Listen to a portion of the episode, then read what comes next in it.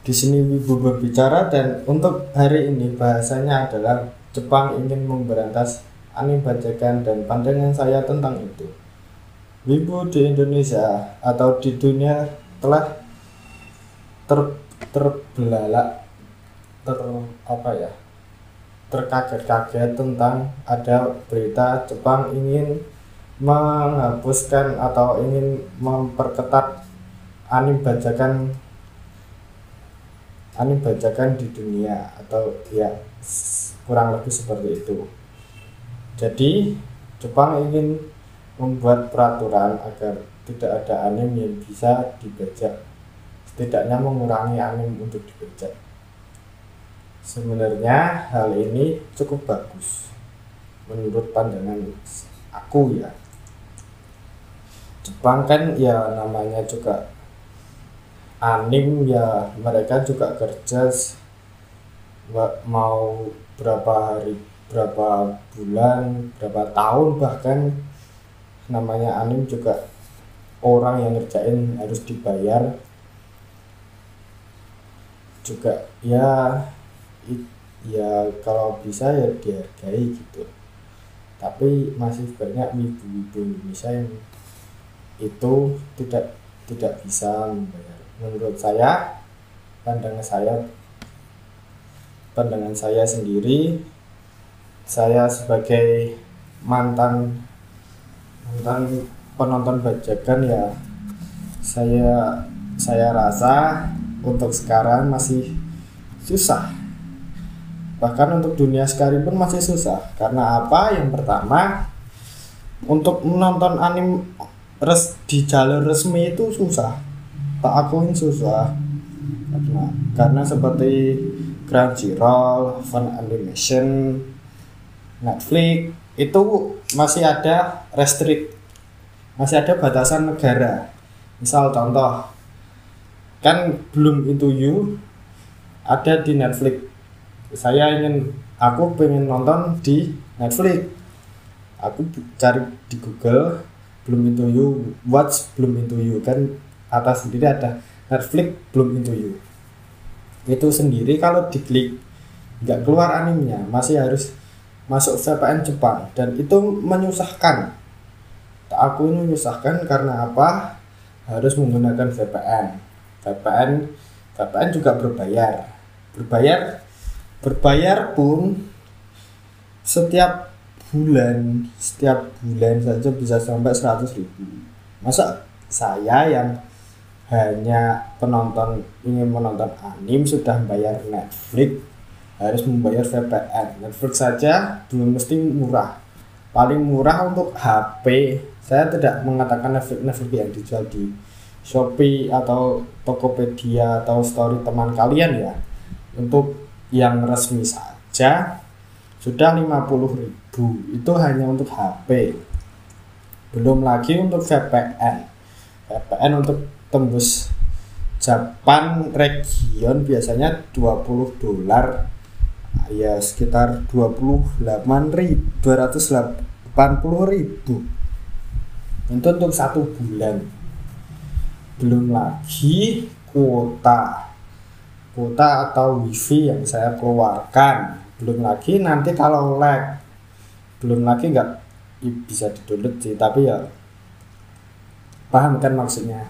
Kalian tidak tidak hanya mengeluarkan uang hanya untuk langganan saja tapi langganan Netflix saja tapi harus mengeluarkan uang untuk VPN dan kalau kuota kalian jelas punya. Ya itu tadi. Seperti Crunchyroll saya contoh saja saya ingin menonton Citrus. Citrus saya klik di Crunchyroll masih ada batasan batasan-batasan negara. Nah itu kalau mau dibuka VPN sih juga bisa, tapi kembali lagi harus bayar VPN 200 ribu. Padahal kita sudah langganan Crunchyroll paling murah 120 ribu. Itu kalau dipikir-pikir uangnya habis bukan buat jajan tapi buat nonton animasi sudah segitu. Kak, itu baru baru contoh contoh satu.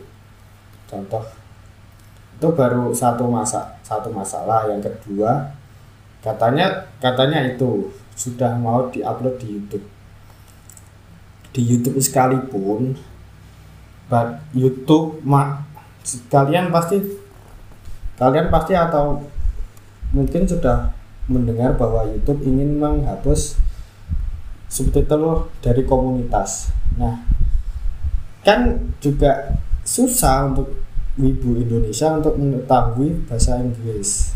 Ada beberapa wibu Indonesia yang tidak mau belajar bahasa Inggris ya. Saya maklumi, saya maklumi tidak semua orang mau belajar bahasa Inggris. Nah, fungsi fungsi subtitle dari komunitas inilah yang sangat penting. Dan YouTube mau menghapusnya.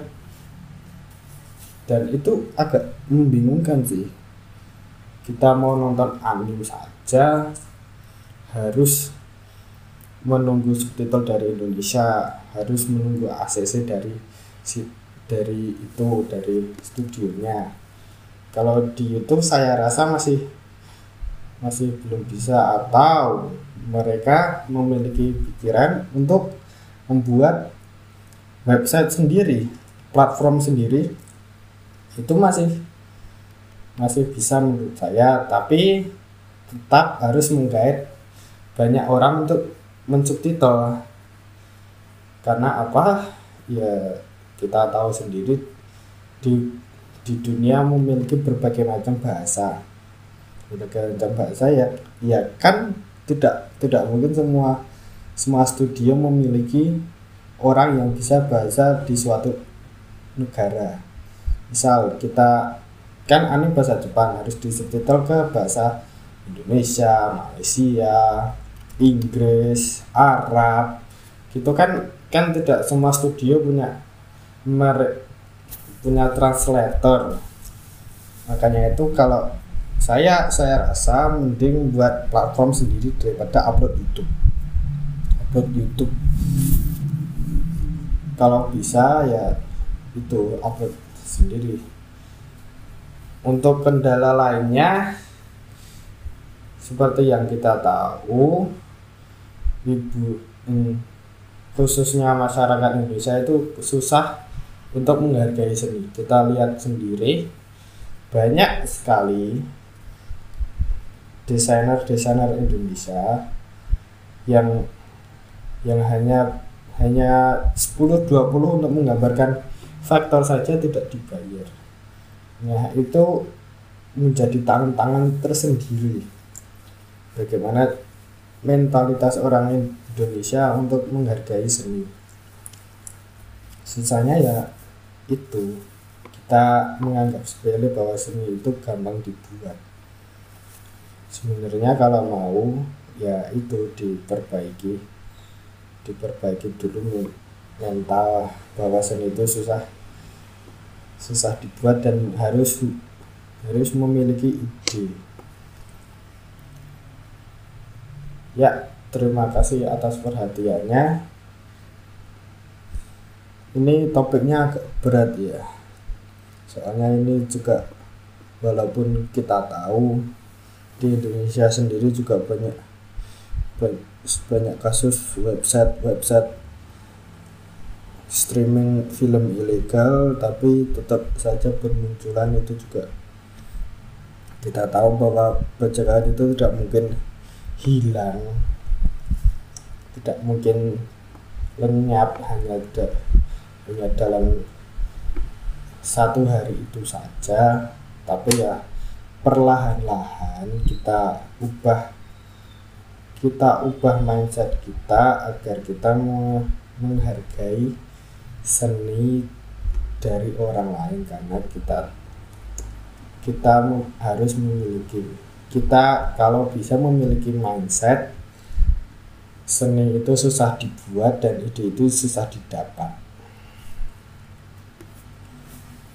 Ya terima kasih atas atas perhatiannya. Jangan bosan-bosan muter-muter di channel ini di podcast ini. Semoga kalian memiliki hari yang menyenangkan. Sampai sampai bertemu di podcast selanjutnya. Bye